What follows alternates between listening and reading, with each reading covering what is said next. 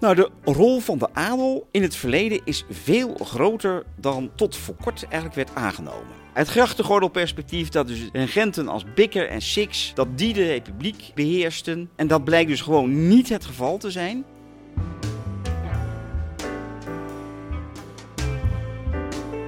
Als je dus uitgaat van gelijkheid, de adel was natuurlijk de ultieme ongelijkheid. Maar goed, als je dus kijkt eh, wat voor mooi erfgoed de adel heeft eh, achtergelaten, wat voor werkgelegenheid ze al die eeuwen eh, hebben geschapen, twee kanten van de medaille.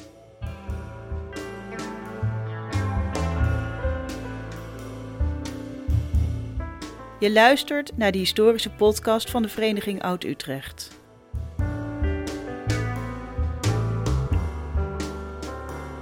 Arjan den Boer spreekt met Utrechtse historici over de geschiedenis van de stad en hun fascinatie daarvoor.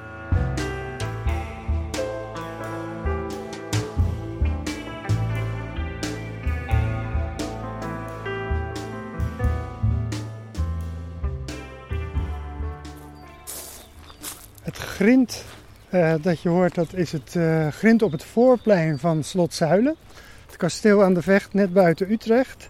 En daar uh, heb ik afgesproken met Renger de Bruin, adelshistoricus. Hallo Renger. Hallo Arjan. Hoi. we hebben natuurlijk niet toevallig afgesproken hier bij Slot Zuilen.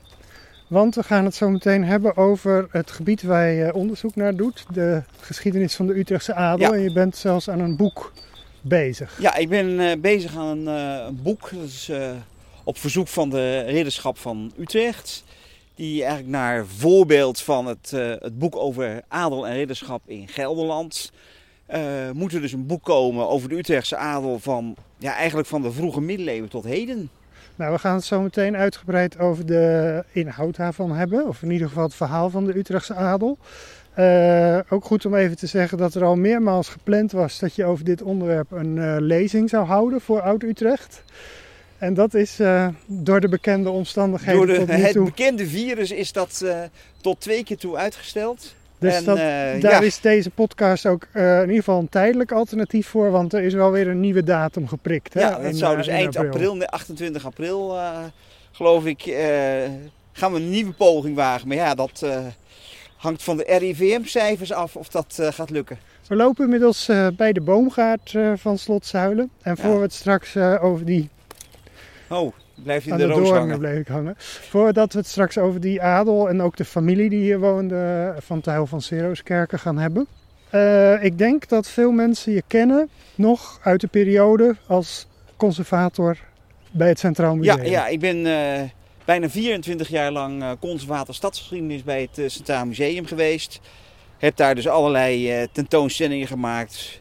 Van Romeinen in Utrecht tot ouderenzorg. En ja, de, de, de groot, mijn grootste tentoonstelling is wel de Vrede van Utrecht geweest, acht jaar geleden. Ja, en dat was natuurlijk in de stad een groot ding, die Vrede van Utrecht. Ja. En je hebt toen ook vele lezingen, presentaties, publicaties over dat onderwerp gedaan. En nog steeds. En nog, en steeds. nog steeds. Ja. ja. Uh, dat is natuurlijk ook geen toeval, want die periode, de 18e eeuw, dat is, als ik het goed heb begrepen, eigenlijk je specialiteit. Ja, ja ik ben uh, inmiddels uh, 35 jaar geleden uh, gepromoveerd op Utrecht tussen 1795 en 1813. Wat voor impact de ideeën van de Franse Revolutie op het bestuur van de stad Utrecht hebben gehad. En dan heb ik dus ook al die mannetjes die er toen in de, in de gemeenteraad zaten, heb ik uh, nagetrokken. Dat waren dus ook mannetjes natuurlijk. Ja, dat, uh, dat, maar dat was in 1795 was dat dus een, uh, een, een totaal nieuwe groep. dus de, het provinciaal bestuur is door de adel vanaf de middeleeuwen gedomineerd geweest. En het stadsbestuur door een, een stadspatriciaat. En dan krijg je met die revolutie ineens een totaal andere groep uh, er waren wel enkele edellieden en patriciërs die meededen, maar die werden dan gewoon, dat was dan de burger van Renesse en niet meer baron van Renesse van Willem. Ja. Maar er zat er dus ook, uh, er zat dus ook een, een, een behangseldrukker uh, in die, die, die maar 1200 gulden bezat. En, en dat, was voor die tijd, dat was voor die tijd ondenkbaar. Ja, dat was ondenkbaar. Dus het, het gemiddelde vermogen van de, de leden van de vroedschap voor 1795 was een ton. Dat is 100.000 gulden Wat voor die tijd echt een, uh, niet waanzinnig veel, maar wel een fors vermogen was. En dat was dus een gemiddelde. Er waren natuurlijk ook uh, mensen van 5, 6 ton bij. Ja. En dan kan er ineens een, uh, een, een, een, drukker met een, met een spaarpotje van, van 1200 gulden in de, in, in de raad komen. Nou, en zo ben ik dus eigenlijk door dat, door dat onderzoek naar wie zaten er in de raad. En eerder had ik al voor mijn kandidaatscriptie een onderzoek gedaan naar verkiezingen in Utrecht rond 1840. En, je, je, en zo ben ik eigenlijk op dat adelsonderzoek gekomen. Je, geschieden, je geschiedenisstudie en promotie was ook in Utrecht? In Utrecht, ja. ja, ja. Ik ben, dus, ben je trouwens Utrecht... Utrechter van geboorte? Ik ben Utrechter van geboorte. geboorte. Ik heb dus uh, uh, mijn hele leven in Utrecht gewoond op een halfjaartje Duitsland na. Maar voor de rest, ik heb ook zeven jaar in Leiden gewerkt, maar toen heb ik geforenst. Oké, aan de Universiteit Leiden. Ja, ja, Bij, bij, de faculteit Sociale Wetenschappen. We hadden het net al even over dat je een lange periode conservator bent geweest bij het Centraal Museum. Daar is twee, drie jaar geleden een einde aan gekomen. Ja, ik ben daar drieënhalf jaar geleden vertrokken. Naar, en uh, daar een hele lange tijd uh, ontzettend met ontzettend veel plezier gewerkt. Maar ja, toen kwam eigenlijk dit uh, dit onderzoek langs. Uh, ja, met dit onderzoek moeten we nog even dit, duidelijk Het, het onderzoek naar de Utrechtse adel. Ja kleine 15 jaar geleden uh, ben ik begonnen met een, met een onderzoek naar de, de ridderlijke Duitse orde. Beleien van Utrecht. Ja, het Duitse ophef, huis bij het Duitse huis aan de Karel V. Waar nu Karel V in zit. En daarnaast zit dan dus uh, de Duitse orde, een oude kruisridderorde die nog steeds bestaat. En die hadden mij gevraagd om, een, om uit te zoeken hoe dat nou zat in de tijd van, van Napoleon, de onteigening van het Duitse huis. Toen werd het militair hospitaal, maar ook de opheffing van de orde en het, door Napoleon en het herstel daarvan door uh, koning Willem I. Doordat ik vanwege mijn proefschrift, dus ook met die Franse tijd dat ik daar uh, goed in zat, uh, hebben ze mij toen gevraagd om wat uit, te zoeken. Nou ja, en, en dan kom je natuurlijk echt helemaal tot over je oren in, in het adelsonderzoek te zitten. En nou ja, toen was er eigenlijk ook wel behoefte om, om, om een vervolgonderzoek te gaan houden. En nou ja, toen kwam dus de vraag van de ridderschap van Utrecht. Nou, ik had natuurlijk altijd wel contact gehouden met de universiteit. Ik ben natuurlijk uh, tien jaar lang ook naast die baan bij het museum uh, bijzonder hoogleraar Utrecht studies geweest. En toen is dus uit gesprekken met de coördinator uh, contractresearch van de, van de universiteit... is uiteindelijk uitgerold dat toch de meest handige variant voor een dergelijk onderzoek dat, ik bij, dat ik dat via de universiteit zou gaan doen. En nu ben ik dus fulltime uh, aangesteld uh, om die twee onderzoeken te doen naar de leden van de Duitse orde en naar de Utrechtse adel. En je ziet hier natuurlijk ja, waar, waar mijn onderzoek ga, om gaat, waar dat over gaat, dat, dat, dat, dat zie je dus helemaal. Hè. Je, je, je, ziet hier dus aan die beide zijkanten de, de, de oude middeleeuwse stenen zeer voor een deel 16e eeuw. Dus uh, in de 16e eeuw is het, is het slot uh, ingrijpend verbouwd. En aan het eind van de 15e eeuw is het behoorlijk beschadigd door de, de twisten waar ook de Utrechtse adel bij betrokken was. En dan zie je dus dat in de, in de midden van de 18e eeuw komt er dus een, een hele ingrijpende verbouwing in opdracht van Diederik Jacob van Tuil van de vader van Belle. Die heeft het kasteel weer helemaal laten moderniseren. Heeft dus ook die, de, de, de middenpartij nieuw laten maken. En je ziet dus ook dat dat een, een andere steen is. Je kunt dat natuurlijk nu mooi zien uh, nu de wingerd uh, zonder bladeren ja, ja. is. Uh, er zijn ook nieuwe ramen, dus er zijn van die 18e eeuwse schuiframen ingekomen. Je ziet dus de, de hardstenen ingangsdeur. En wat je hier dus ook ziet, nu er is een soort binnenplein gecreëerd waar uh, in de 18e eeuw de koetsen konden voorrijden. En voorheen was dat, in de middeleeuwen was dat een binnenplaats. Hè? En dat was een, dat was een binnenplaats. En je hebt hier dus tot uh, uh, de, de, grote verbouwing van het midden van de 18e eeuw. Heeft hier dus ook een verdedigingsmuur gestaan en een ophaalbrug. Dus kastelen om aan de vereisten van, van Ridder Hofstad te voldoen, moesten ze dus ook in de 16e, 17e eeuw nog een ophaalbrug hebben.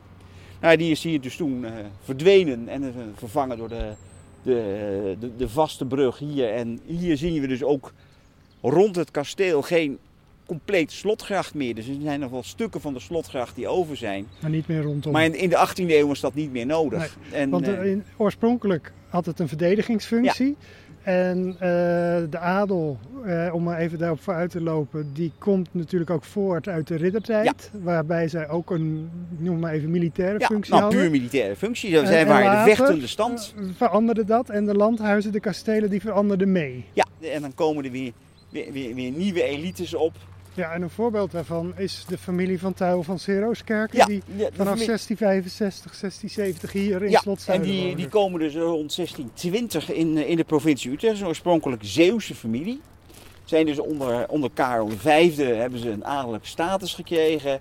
In 1620 eh, in de provincie Utrecht, al zo sinds 1640, 1642 in de ridderschap. En via een huwelijk eh, verkrijgen ze dan Slot Zuilen. Ja, nou wij staan voor de deur. Wij gaan ons gesprek eh, binnen in de Gobelijnshal voortzetten, is het idee. Ik voel even of de grote voordeur open is, anders moeten we de personeelsingang... Nee, hij zit dicht.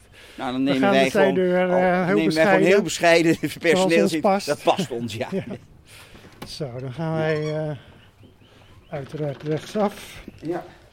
Kom je hier vaak overigens, want je bent ook een paar jaar bestuurslid Ik, ik heb hier eh, geweest. een, een aantal jaar geleden in het bestuur gezeten. Ja. En ik, eh, nou ja, ik, ik kom hier dus ook wel regelmatig voor openingen. Nou ja, vorig jaar hebben wij elkaar ook nog gesproken bij een, eh, een Ja. opening toen dat nog even kon. Precies, en het afscheid van, eh Van Luciel van Tuil van Sero's, Serooskerken als eh, voorzitter. Ja. Overigens, nu is het natuurlijk een eh, leeg gebouw. Althans, de meubelen staan er, maar er zijn geen eh, bezoekers, want het is coronatijd. Maar wij eh, mogen gelukkig hier... eh, Nou, daar hebben we dus eh, Willem. René van Taal van de, de broer van Belle. ja, dat Die- is zo'n portret ten voeten uit Ja. met, met een jachtgeweer. Hè? Ja, dat, de jacht heeft natuurlijk altijd een, een, een, een belangrijke rol in de adel gespeeld. Is ook natuurlijk een tijd een exclusief adellijk voorrecht geweest. Niet edellieden die op herten gingen schieten, of al was het maar op konijntjes, eh, die, eh, die kregen straf. Ja. Die werden dus beboet door de, door de. Dus om je met eh, een dood konijn en een jachtgeweer af te beelden. En Ja. het kasteel op de achtergrond natuurlijk, maar daarmee liet je wel even zien wie je was. Ja, hij, hij liet je even zien wie die was. Eh, kijk, dit is, dit is natuurlijk een heel mooi voorbeeld van, een, eh, van zo'n zelfbewust adellijk portret. Dus de, eh, hij, hij, hij leunt met zijn arm op het, eh, op het jachtgeweer. Nou, het dode konijntje ligt aan zijn voeten. Eh, kasteel wordt afgebeeld. Eh, in de eh, lijst staan de, de, de, de, vier wapens van zijn grootouders. Dus ja, die, die is natuurlijk een prachtig voorbeeld van adellijk portret. Ja, en En- daar aan het eind van eh, de galerij, daar zien we zo'n eh alliantiewapen Ja. hangen. Hè? Ja, dat, dat, is zegt het, ook wel eh, iets over twee belangrijke families. Ja, eh, We lopen er even naartoe. Nu, ik zie de hondjes van, eh, van Tuil. Dat zijn dus de brakken. Het zijn een soort jachthonden, Dat toch? is, dat is een soort jachthond. Daarnaast zie je dus het, eh, het Van Reden wapen. Naast Van Tuil van Serooskerken was die familie van Reden ja, zeer Van Reden. En hier zie je dus dat eh, het, het, meisje van Reden dat Slot Zuilen in de familie heeft gebracht, in de familie van Tuil. Anna Elisabeth. Anna Elisabeth, die was de dochter van Gerard van Reden van Nederhorst. En zij is dus op 13-jarige leeftijd met Hendrik Jacob van Tuil van Serooskerken getrouwd. Dat was in die tijd niet verboden, maar wel heel ongebruikelijk. Ja, En eh, haar familie, dus haar, haar vader had dat eh, gearrangeerd, die had dat eh, geld nodig. En, maar dus haar grootouders van Lokhorst en die hele familie van Lokhorst, die was daar dus echt furieus over. ja dat was een soort deal die gemaakt werd door de Ja, familie. Dat dit, kijk, er, er was dus voor een huwelijk niet een wettelijk minimum, maar 13 jaar was, Was not done. Nee, was not done. Ik heb wel begrepen dat ze pas na vijf jaar hier op het kasteel kwamen wonen. Misschien dat dat nog iets zegt over eh, hoe het precies dat- aan toe ging. Ja, precies. Dat, het- dat ze nog even gewacht hebben met het consumeren. Ja, maar ja, eh, eh, het, de gemiddelde leeftijd waarop een adellijke vrouw trouwde, was 24. Renger, we zijn nog maar in de hal en we hebben al zoveel Ja. besproken. Laten we naar de Gobelijnzaal En lopen. dit is trouwens ook een heel Oh ja, het, eh, prachtig portret. ja, ja. Maar dit is dus, het, eh, de, dit is dus de, de, de, de, de grootvader van het meisje van. Reden waar we het net over hebben gehad. Uh, Godard van Reden van Nederhorst. En heel curieus schilderij. Nou, je ziet hier natuurlijk ook allemaal uh, voldoende jachttrofeeën. Hè? Dus, uh, ja, absoluut. Geweien en hertenkoppen.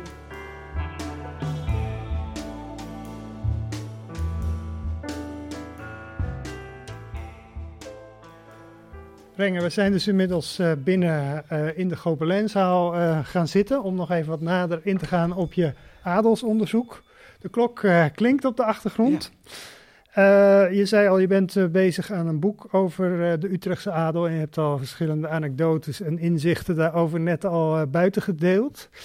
Maar misschien even een hele essentiële en ook domme vraag. Wat is adel eigenlijk? Nou, dat is helemaal geen domme vraag. Het is namelijk een, iets heel ingewikkelds.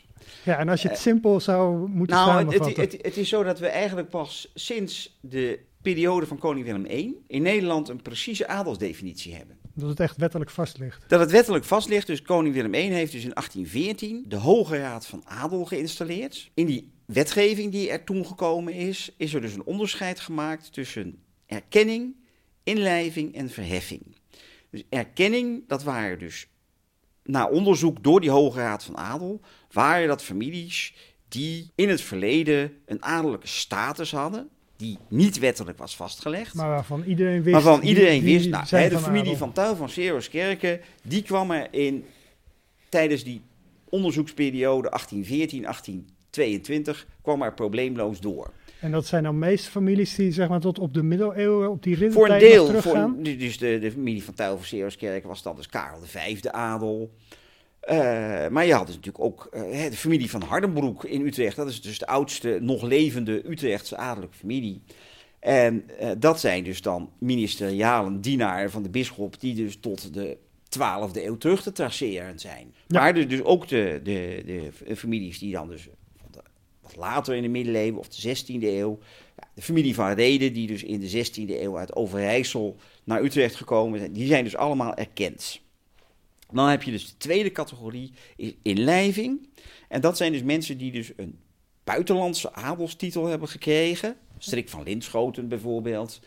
Uh, van Wijkersloot. Dat zijn dus uh, mensen die dus in de 17e, 18e eeuw een buitenlandse adelstitel hebben gekregen. En die buitenlandse vorsten, die eigenlijk bij een diplomatieke missie, bijvoorbeeld uh, Strik van Linschoten, die was een Johan Strik, die was op, militair, op diplomatieke missie eh, onder Lodewijk XIII. En Lodewijk XIII die deelde dan als bedankje, als, als een soort bedankje uh, deelde die dus een adelstitel uit. Waarmee uh, degene die dat ontvangen hadden, gingen daar dus weer thuis uh, natuurlijk lekker mee pronken. maar ja, die werden dus door de, door de ridderschap werd, werd dat niet voor vol nee, Die keken daar een beetje op neer. Die keken daar dus op neer van, ja, die staan gewoon met zo'n met cadeautje een beetje te pronken. Ja, maar die, dus die titels zijn dus Willem, Willem I, die wilde dus echt een, een, een een adel scheppen. Want dus onder de Republiek der Verenigde Nederlanden werd er dus geen nieuwe adel gecreëerd. Nee, dus in de 17e, 18e eeuw is er geen nieuwe Nederlandse adel nee, bijgekomen. Nee, want het waren dus alleen die, die buitenlandse titels die intern niet erkend werden. Dus je, je ziet dus dat het families langzamerhand, het aantal families gaat afnemen. Zoals dat nu ook weer gebeurt.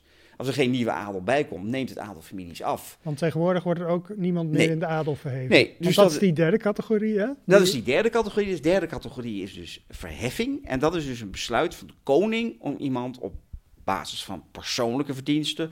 of omdat het voorgeslacht meer dan drie generaties in een Nederlandse stad in het bestuur heeft gezeten... die werden door koning Willem I en door Willem II en door Willem III en door Wilhelmina werden die dus in de adelstand verheven. Dat is tot 1983 in de grondwet blijven staan. De koning schept adel. Maar in 1939 is dat voor het laatst gebeurd met de familie van Valkenburg. Oké, okay, dus er is eigenlijk geen Nederlandse adel van na de Tweede Wereldoorlog. Nee, nee want dus, uh, uh, toen meteen na de Tweede Wereldoorlog, dus in 1939, stonden er dus nog wel een aantal families uh, in de wachterij. Uh, maar ja, goed, toen kwam uh, de Duitse inval. En in 1945 hadden ze wel iets anders aan hun hoofd dan in de adelstand verheffen. En misschien was toen ook meer de gedachte van we zijn allemaal hetzelfde, we moeten precies, er allemaal tegenaan, precies. meer uh, gelijkheid. Dus, dus toen zijn in 1953 hebben dus het kabinet Drees heeft toen in overleg met koningin Juliana besloten om ermee te stoppen. En toen is het dus in 83 uit de grondwet geschrapt. Toen was er dus een nieuwe adelswet nodig. Hebben ze er nog een tijd over gedaan. En toen is er in 1994 een nieuwe adelswet gekomen. Waarin er dus geen sprake meer was van adelsverheffing. Voor inlijving is er dus nog een overgangsperiode uh, gekomen. Dus uh, de kinderen van prinses Irene zijn nog ingelijfd. De familie Ollongren oh ja. is nog... Uh, is nog van de minister, hè? Van de minister. Dus dat was Finse adel, die is nog ingelijfd. En nu kan het niet meer. Nee. weet je hoeveel adellijke mensen er op dit moment in Nederland Rond 10.000. En dat, dat, dat is aantal is dus stabiel. Ja.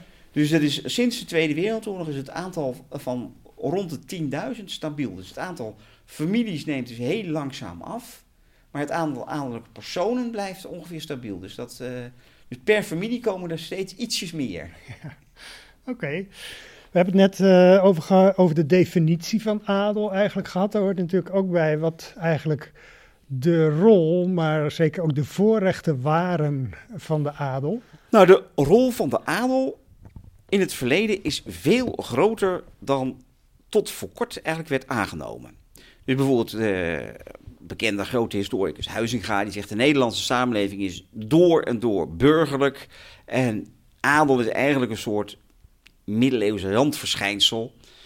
Nou, dat blijkt dus uit het moderne adelsonderzoek, wat dus pakweg zo in de jaren 60, 70 van de vorige eeuw begonnen is, is dat langzamerhand ontkracht. Dus je ziet dus dat adel ook in de 17e, 18e eeuw een veel belangrijker dus rol ook heeft ten tijde van de Nederlandse Republiek. Dus het idee altijd adel was toen eigenlijk terzijde geschoven. En dat, blijkt dus gewoon niet het geval te zijn. Dus het, het is echt een beetje het, het, het Amsterdamse perspectief wat, wat hier overheerst. Grachtengordelperspectief. Ja, het grachtengordelperspectief dat dus regenten als Bikker en Six en, uh, en de Graaf, dat die de republiek uh, beheersten. Nou, dat blijkt een stuk genuanceerder te liggen. Natuurlijk is, is de adel niet dominant. Dat was dus alleen in Gelderland en in mindere mate in Overijssel het geval. In Utrecht speelde de adel ook een belangrijke rol. Maar zelfs in Holland was de adel niet nul. Als je dus ziet dat bijvoorbeeld de families van Brederode en uh, van Wassenaar in de 17e, 18e eeuw best een belangrijke rol hebben gespeeld, ook in de Hollandse provinciale politiek. Uh, adel, het, het idee dat, dat, dat, dat, uh, dat, veraal, dat verarmde adel, dat dat eigenlijk het dominante beeld was, ook dat blijkt niet te kloppen. Er zijn dus families, adellijke families, die dus echt heel rijk waren. Zoals zo'n familie van Wassenaar was echt heel rijk. Maar bijvoorbeeld ook de Tuilen. Ik heb dus uh, een paar maanden geleden dus de belastingaanslag van Willem René van Tuil van Seroskerk. Van de man die we net op het schilderij de man die, zagen, de die broer van Belle van Zuilen. Uh, die had bij zijn belastingaanslag in 1793 uh, had hij dus een half miljoen gulden. Top Amsterdammers, die zaten daar dus boven. Die, die zaten in, de, in, in, aan het eind van de 18e eeuw op een paar miljoen.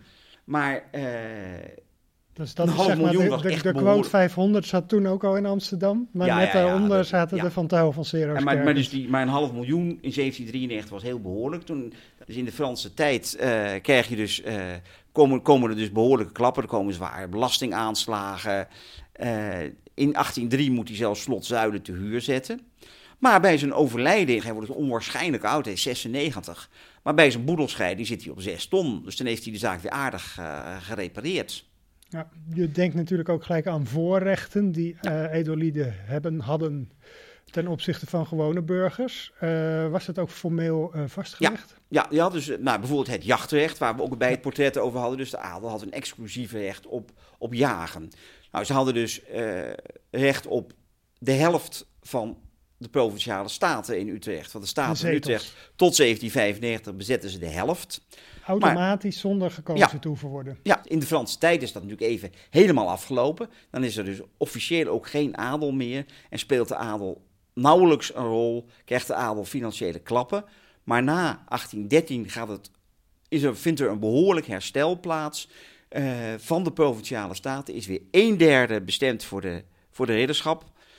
Maar dus ook uit de andere onderdelen, de steden en de landeigenaar op het platteland. Daar zijn er toch ook diverse die gekozen worden van mensen die van adel zijn. Dus, dus rond 1830, 1840 is toch wel zo'n 40% van de statenleden van adel. Uh, en je ziet bijvoorbeeld onder burgemeesters dat dat tussen tot 1850 dat er dus weinig adellijke burgemeesters zijn. Maar na 1850 neemt dat zelfs weer toe. Ja, want 1850, dat is Thorbecke. Ja, toen, dan, werd de rol van de adel, de formele rol, denk ik. Precies, dan wordt de formele rol van de adel sterk teruggedrongen. Dus die automatische vertegenwoordiging in de provinciale staten gebeurt niet meer. Nou, voor die tijd werd dus door de Tweede Kamer gekozen door de provinciale staten. Uh, die wordt voortaan rechtstreeks gekozen. Gemeenteraden worden rechtstreeks gekozen.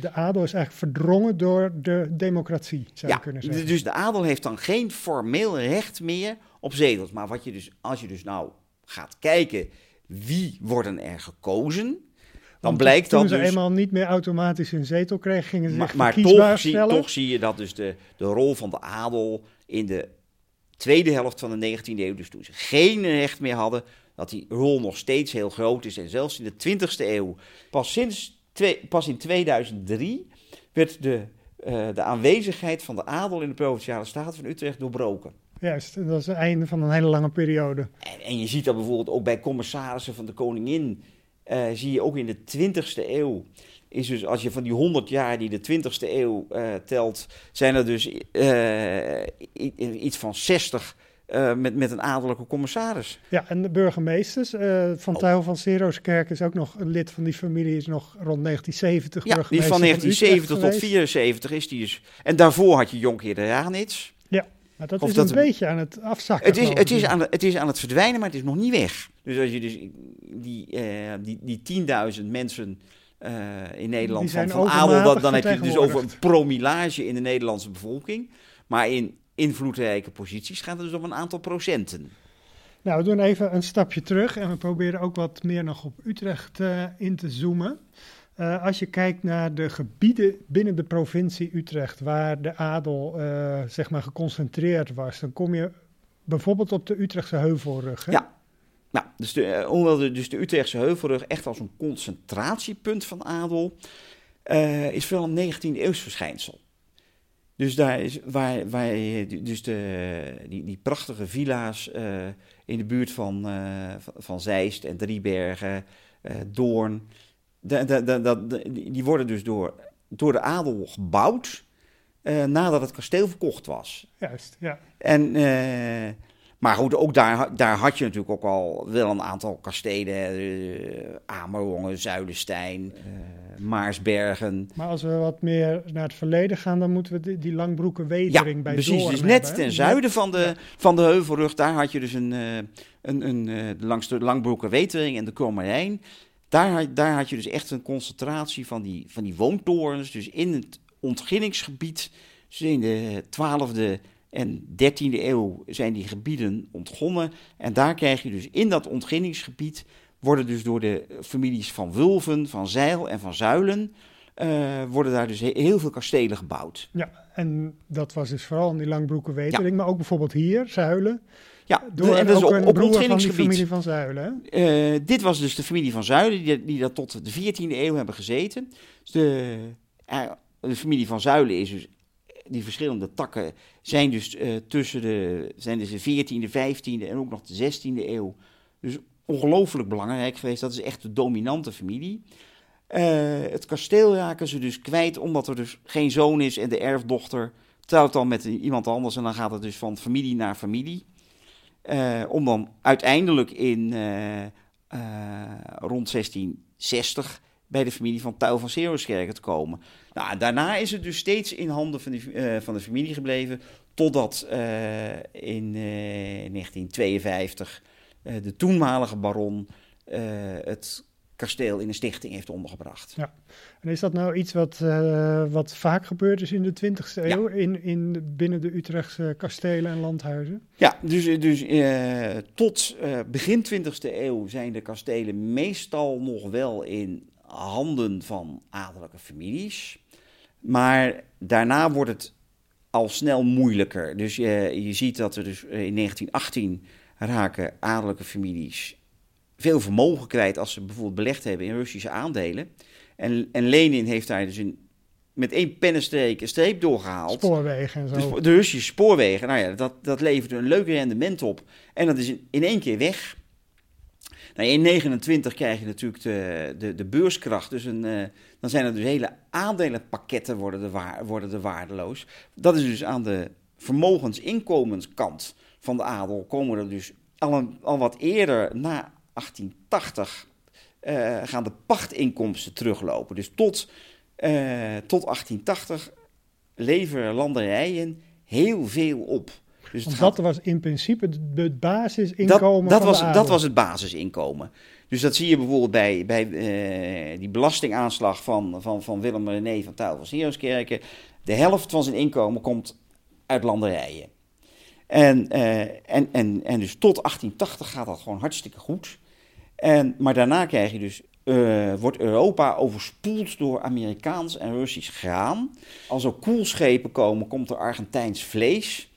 Eh, dus de, de landbouw krijgt na 1880 zware klappen. Dus de globalisering trad Ja. toen al in en die heeft En- en dat levert- dat- dat- van de adel dat- als, dat- het was ja. betekend. Dat, dus dat leverde dus aan de, aan de inkomstenkant ga- gaat dat vanaf 1880 achteruit. Terwijl er dus aan de uitgavenkant gaat het dus toenemen, omdat dus na 1900 beginnen de lonen te stijgen.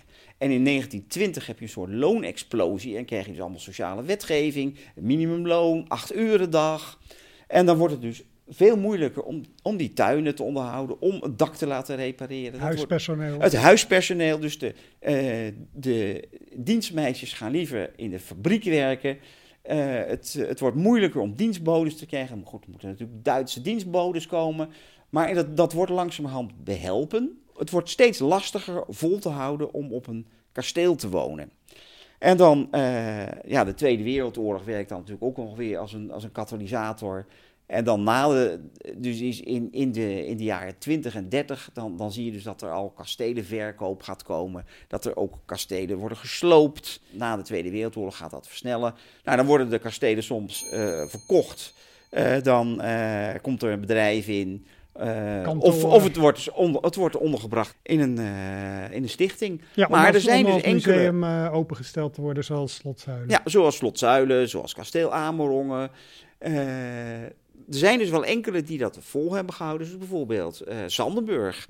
Dus gisteren stond er dus in de, in de, in de Volkskrant nog een artikel over, eh, over adellijk grondbezit. Waar, eh, waar, waar ik ook nog als, als sprekend wordt opgevoerd. Er wordt dus Kasteel Zandenburg opgevoerd als voorbeeld van modern beheer. Ja. Dus Frederik van Linden van Zandenburg, die, die is directeur van het BV. En is zelf huurder van het kasteel. Eh, delen van het kasteel worden dus, daar worden, wordt aan bedrijven verhuurd, er wordt aan, aan catering gedaan. Dus het zijn echt pacht. gemengde familiebedrijven Ja. geworden. Toerisme speelt natuurlijk Ja. ook een rol daarin. eh, en landbouw. Ja. Eh, je hebt zelfs, maar dat is geloof ik geen Utrechts landgoed, maar je hebt midden in Utrecht nu die landgoedwinkel aan de Domstraat Ja. van Marienburg. Waarbij- werd door de familie van Verschuur. Dat is in Gelderland geloof Dat is in. Gelderland. In, in de Betuwe hebben die dus echt gewoon een, een, een modern landbouwbedrijf. Ja. De biologische nu, eh, landbouw. Hun producten midden in de stad in Ja. Utrecht. Dat is ook wel bijzonder. Ja, daarover gesproken, maar dan heel ver eh, terug in de tijd. Even over de verhouding tussen stad en platteland voor de Utrechtse adel. Want het idee is natuurlijk, die adel die woonde op die kastelen buiten de stad. Maar als je je gaat verdiepen in de geschiedenis van het Janskerkhof, de Drift en zo. Daar woonden allerlei edellieden Ja. in die grote statige panden daar. Eh, nou weet ik van de familie van Touwen van Seroskerken. Die hadden dan hun winterhuis aan de Kromme Nieuwegracht Ja. in Utrecht. En in de zomer woonden ze hier. Gold dat voor al die Ja, edellieden dat ze in de winter eigenlijk in de stad waren? Ja, dat was het, het, het wonen volgens de seizoenen. Zo in, in, in mei dan eh, kwam er dus een, eh, een bootje door de Kromme Nieuwe Gracht. Dan werd dus alles wat ze nodig hadden om hier op Slot Zuilen aangenaam te leven, werd in het bootje geladen. Eh, Ja, tot meubels aan toe, hè? tot meubels aan toe. Dat, dat, dat, dat voerde de, via de Kromme Nieuwe Grachten weer het singel eh, over de vechten hier naartoe. Werd uitgeladen. En in oktober was de, de omgekeerde exercitie. Ja, dus je zou kunnen zeggen, eh, de, de kastelen waren alleen maar zomerhuisje. Ja. Maar het is misschien beter om het andersom te zeggen dat ze een winterhuisje in de stad hadden. Ja. Dat was dus een, eh, ja, die, die kastelen waren dus winters niet te bewonen. Dat, dat was dus echt zo steen en steenkoud. Dat, dat was onmogelijk te verwarmen. Nou ja, goed, hier- we kijken hier dus nu op een, op een open haard. En daar, daar krijg je dat in de winter echt niet warm mee. En zo'n stadhuis, ja goed, zo'n stadhuis was in- ingebouwd. De stad is sowieso warmer. Je zit dichter op elkaar. Je zit dichter op elkaar, dus zo- zo'n stadshuis was natuurlijk veel beter te verwarmen. En je ziet dus pas dat dat wonen volgens de seizoenen eind 19e eeuw gaat dat verdwijnen. Dan eh, is het dus mogelijk om, als een familie rijk genoeg is, om een kasteel comfortabel te verwarmen. Eh, nou ja, Zo'n zo, zo, eh, kasteel als Kasteel de Haar, wat eigenlijk gewoon eind 19e eeuw helemaal nieuw gebouwd is. Eh, dat lukt alle, dan. alle moderne De- technieken die, van hebben, die hebben dus allemaal, allemaal cv en badkamers en zo. Maar dat, dat, dan, dan moest de familie dus echt gewoon heel rijk zijn om een dergelijke Dan verbouwing... moest er wat geld van de Rothschild eh, ja, bij. dat met, met dat Rothschild geld lukt het dan om een kasteel comfortabel te krijgen. Nou, dat was in de 18e eeuw al gewoon technisch onmogelijk. En zo'n stad was natuurlijk in, in de zomer heel onaangenaam. Dat gold natuurlijk nog veel meer voor, voor Amsterdam, waar natuurlijk hier een eindje verderop in de vecht, waar dus al die buitenplaatsen van, van de Amsterdammers ja, zitten. ja, want je woonde feitelijk aan het open riool in de Ja, dat was echt, Amsterdam was natuurlijk echt nog veel erger dan Utrecht. Eh, dus dus zo, in, in de zomer was het in de stad niet uit te houden. En in de winter, En de winter was het, was het hier ja. niet uit te houden. Ja, dat is natuurlijk een onmogelijke vraag. Maar als je nou, eh, moet je de adel zien als een kracht ten goede of die eigenlijk fundamenteel ondemocratisch was? Nou ja, kijk, dat, dat is, daar, daar haak je natuurlijk een hele ingewikkelde discussie over. Kun je het verleden eh, beoordelen aan de hand van hedendaagse normen? Ja, dan zeg je van, ja, als je dus uitgaat van, eh, van, van gelijkheid, ja, dan zeg je van, nou ja, goed, de, de, de, de adel was natuurlijk de ultieme ongelijkheid. Maar goed, als je dus kijkt wat, wat voor mooi erfgoed de adel heeft achtergelaten, wat voor werkgelegenheid eh, ze al die eeuwen eh, hebben geschapen.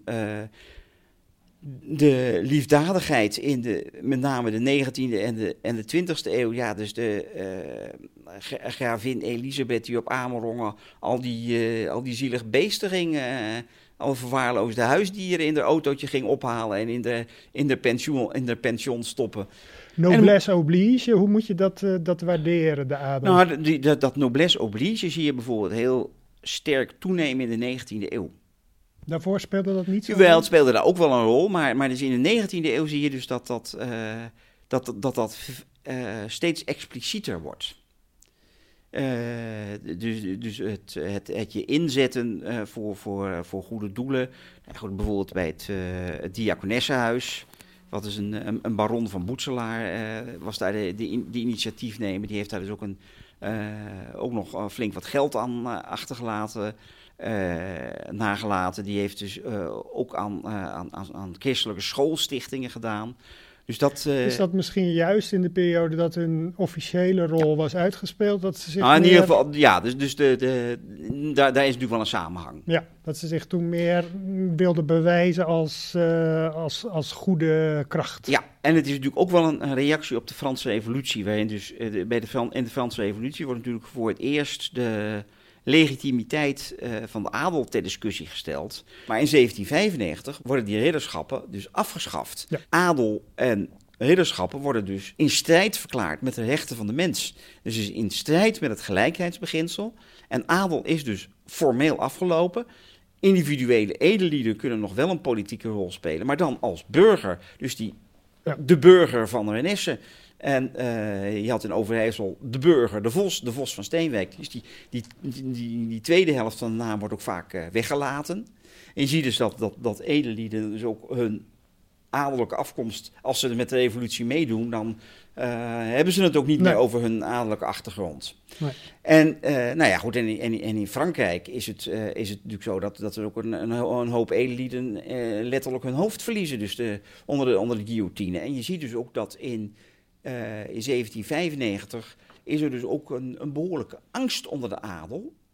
Eh, In Nederland in ook. Nederland dat, dat het dus ook misgaat. Ja. Bijvoorbeeld de eh, van Linde van, ba- baron van Linde van Lunenburg, eh, die, eh, die schrijft dus aan zijn neef Huidenkoper hier vlakbij Maarsen van eh, ik heb al je brieven verbrand en ik hoop dat je dat met mijn brieven ook gedaan hebt. Bewijzen, wissen. En dat heeft die huidenkoper gelukkig niet gedaan. Maar dus, uh, een, een, je ziet dus dat een, een deel van de adel erg tegen die revolutie is. Terwijl anderen daar dus in meedoen. En uh, zijn dus ook die naar, naar Engeland vluchten, zoals de, uh, de kasteelheer van Amerongen, die vlucht naar Engeland. Maar er zijn er dus ook die, die, die tegen. Ik heb daar nog wel een gedichtje van, die, van, onze, van onze René, Willem René met zijn jachtgeweer. Dus de broer van Bellen. Ja, waar we net het portret van zagen, hier we, in de hal van Slotzuilen. Hier bij me. Die heeft dus een, een gedicht geschreven. En meestal, hij had ook, net als zijn zus, literaire ambities, alleen hij was niet zo goed. En hij schreef dus ook meestal in het Frans. Maar hier schreef hij dus een gedichtje in het Nederlands. Uh, het was een anti-Napoleon gedicht. De mantel is het kleed van rouw, verdriet en smarten. Een zee van tegenspoed verbiedt thans Nederlands kust. Deze star der helden baak, daar al mijn hoop op rust, houdt Nederland staag in het oog in spijt van Bonaparte. Oké, ik wil het nog even hebben over je onderzoek. Wat voor soort bronnen uh, raadpleeg je daarvoor? Je gaat natuurlijk uh, de archieven in, maar waar moet ik zo aan denken? Het onderzoek naar de Utrechtse adel, wat ik samen met, uh, met Koen Schimmelpenning van der Ooyen schrijf, is dat baseren we in principe op bestaand onderzoek. Wat we nog wel gaan doen is dus, ik, heb, ik heb dus de, het onderzoek, het, het archief van de ridderschap van Utrecht, heb ik nog net op tijd voor corona en het, de, de rest van, van het archief in, in de, tussen de eerste en de tweede golf in uh, opgehaald op, op kasteel Maarsbergen. En dat ligt dus nu in het archief van de Duitse Orde. Nou, zodra het weer kan, kunnen we dat dus raadplegen. Dus daar gaan we nog wel aanvullend archiefonderzoek doen. Hier en daar heb ik dus ook, nou ja, bijvoorbeeld het, de, de belastingaangifte van, van Willem René van van en zijn, en zijn boedelscheiding. Die heb ik dus ook als archiefstuk uh, in origineel geraadpleegd, of althans als ken. Uh, dus uh, er wordt wel aanvullend archiefonderzoek gedaan, maar in principe is het wel de bedoeling om het op basis van reeds verricht onderzoek, want ja, anders dan zouden we daar nog wel ja. vijf jaar extra voor nodig hebben. Ja. Maar ja, goed, het, het, onderzoek is natuurlijk wel door corona wel nadelig beïnvloed. Er zijn allerlei archieven die gesloten zijn. We hadden dus ook uh, allerlei interviews willen houden. Nou ja, goed, ik ben natuurlijk uh, zelf vorig jaar ook door uh, corona ja. geveld. In, in, in, en zelfs in, in behoorlijk ernstige mate. Dus ja, ik, ja, want dat weet de luisteraar niet. Maar je hebt zelf ook op de IC Ik heb op de IC ge gelegen, dus het was bijna einde oefening. Ja. Dus echt een, een, een, een dramatisch moment. Dat ik, echt een dag nadat ik in het ziekenhuis was opgenomen, lag ik al op de IC. En weer een dag later komt uh, een uh, anesthesist bij mij binnen uh, met een verpleegkundige. En die anesthesist die zegt, ja, ik ga, het ga, u gaat zo hard achteruit, ik ga u in een diepe slaap brengen. En dan een buis bij u naar binnen brengen om u te beademen. En belt u nog maar even met uw vrouw, want ik weet niet of u nog wakker gaat worden. Kijk, het heeft me dus wel een half jaar gekost voordat ik weer... Ja, want je bent er nu helemaal bovenop. Ik ben er nu helemaal bovenop, ja. maar ik ben dus pas... nou, ik ben dus eind maart ziek geworden en pas half september heb ik van de bedrijfsarts van de universiteit uh, weer toestemming gekregen om volledig aan het werk te gaan. Dus in tussentijd ben ik natuurlijk wel gaan opbouwen. Ja, ja. Maar dus, uh, ik ga dus nu binnenkort een, uh, een onderzoekstraject in van, het, van het UMC om de... Om het te volgen. Om, om, de, om de mentale schade op te nemen. Ja, ja. Maar dat is dus niet, dus, dus dat is ook een, niet omdat er aanleiding is, maar het is gewoon als een als, als, als, wetenschappelijk onderzoek ja, waar je ja, natuurlijk ja. graag aan bij wil dragen om te kijken van uh, wat Zeker. heeft dat nou allemaal voor effecten opgeleverd. Ja. Nou ja, het is uh, om meer, in meerdere opzichten fijn dat je weer uh, verder kunt met je onderzoek. Lukt het wel om de planning van het boek? nou ja, de, de, de, het boek zou, eer, zou eerst in, in, in voorjaar 21 verschijnen. Dat wordt oh, dat nu een jaar later. Een jaar later. Um, nou, we hebben een hele hoop uh, besproken, Renger. Ik uh, hoop dat het voorlopig kan gelden als vervanging van je lezing, uh, die in april als goed is nog komt. Ja, laten we hopen dat die, dat die komt. Ja, 28 april, maar ja. dat komt wel op de website en nieuwsbrief van, van Oud-Utrecht te staan. het verschil, of een van de verschillen met nu, is natuurlijk dat je dan de plaatjes erbij hebt, hè? Ja. Uh, neem ik aan. Ja, er komt, uh, wordt, wordt natuurlijk een lezing met een PowerPoint. Hè? Dus, ja, precies. Uh, er valt over de Utrechtse adel zoveel te vertellen. En ik heb, ja, dat hebben we gemerkt. Ik heb, ik heb, ik heb nu, nu op jouw vragen gereageerd. En, en dan wordt het dus een, een verhaal wat ik van tevoren Ja. bedacht Nee, heb een en, en, en waar ik plaatjes bij gezocht heb. Nou ja, en het boek, dat eh, komt over een jaar uit. Het boek komt, het boek komt eh, ja, dat, dat hoop ik zo mei, juni eh, Ja. 2022. Nou, daar kijken we ook naar uit. En dan zullen we ook zeker op een of andere manier aandacht aan gaan schenken in een tijdschrift Oud-Utrecht. Dus nou, Ja, het wordt, een, het, wordt, het wordt wel een dik boek. wordt vervolgd, hopelijk in goede gezondheid. Ja, ja nee, dat, is, eh, dat hoop ik dat we het volgend jaar het allemaal achter hebt, ons eh, hebben gelaten. Oké, okay, dankjewel voor je komst naar uh, Slotzuilen. Graag gedaan.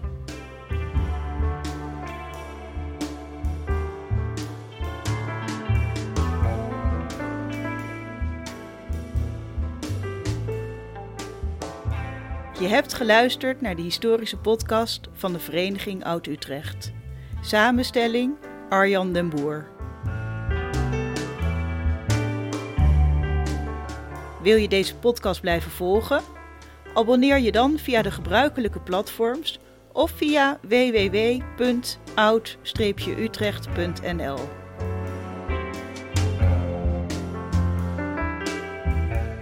Wil je deze podcast steunen? Word dan lid van de Vereniging Oud-Utrecht en je ontvangt ook zes keer per jaar het tijdschrift Oud-Utrecht, het jaarboek en de uitnodigingen voor activiteiten. Meer informatie www.oud-utrecht.nl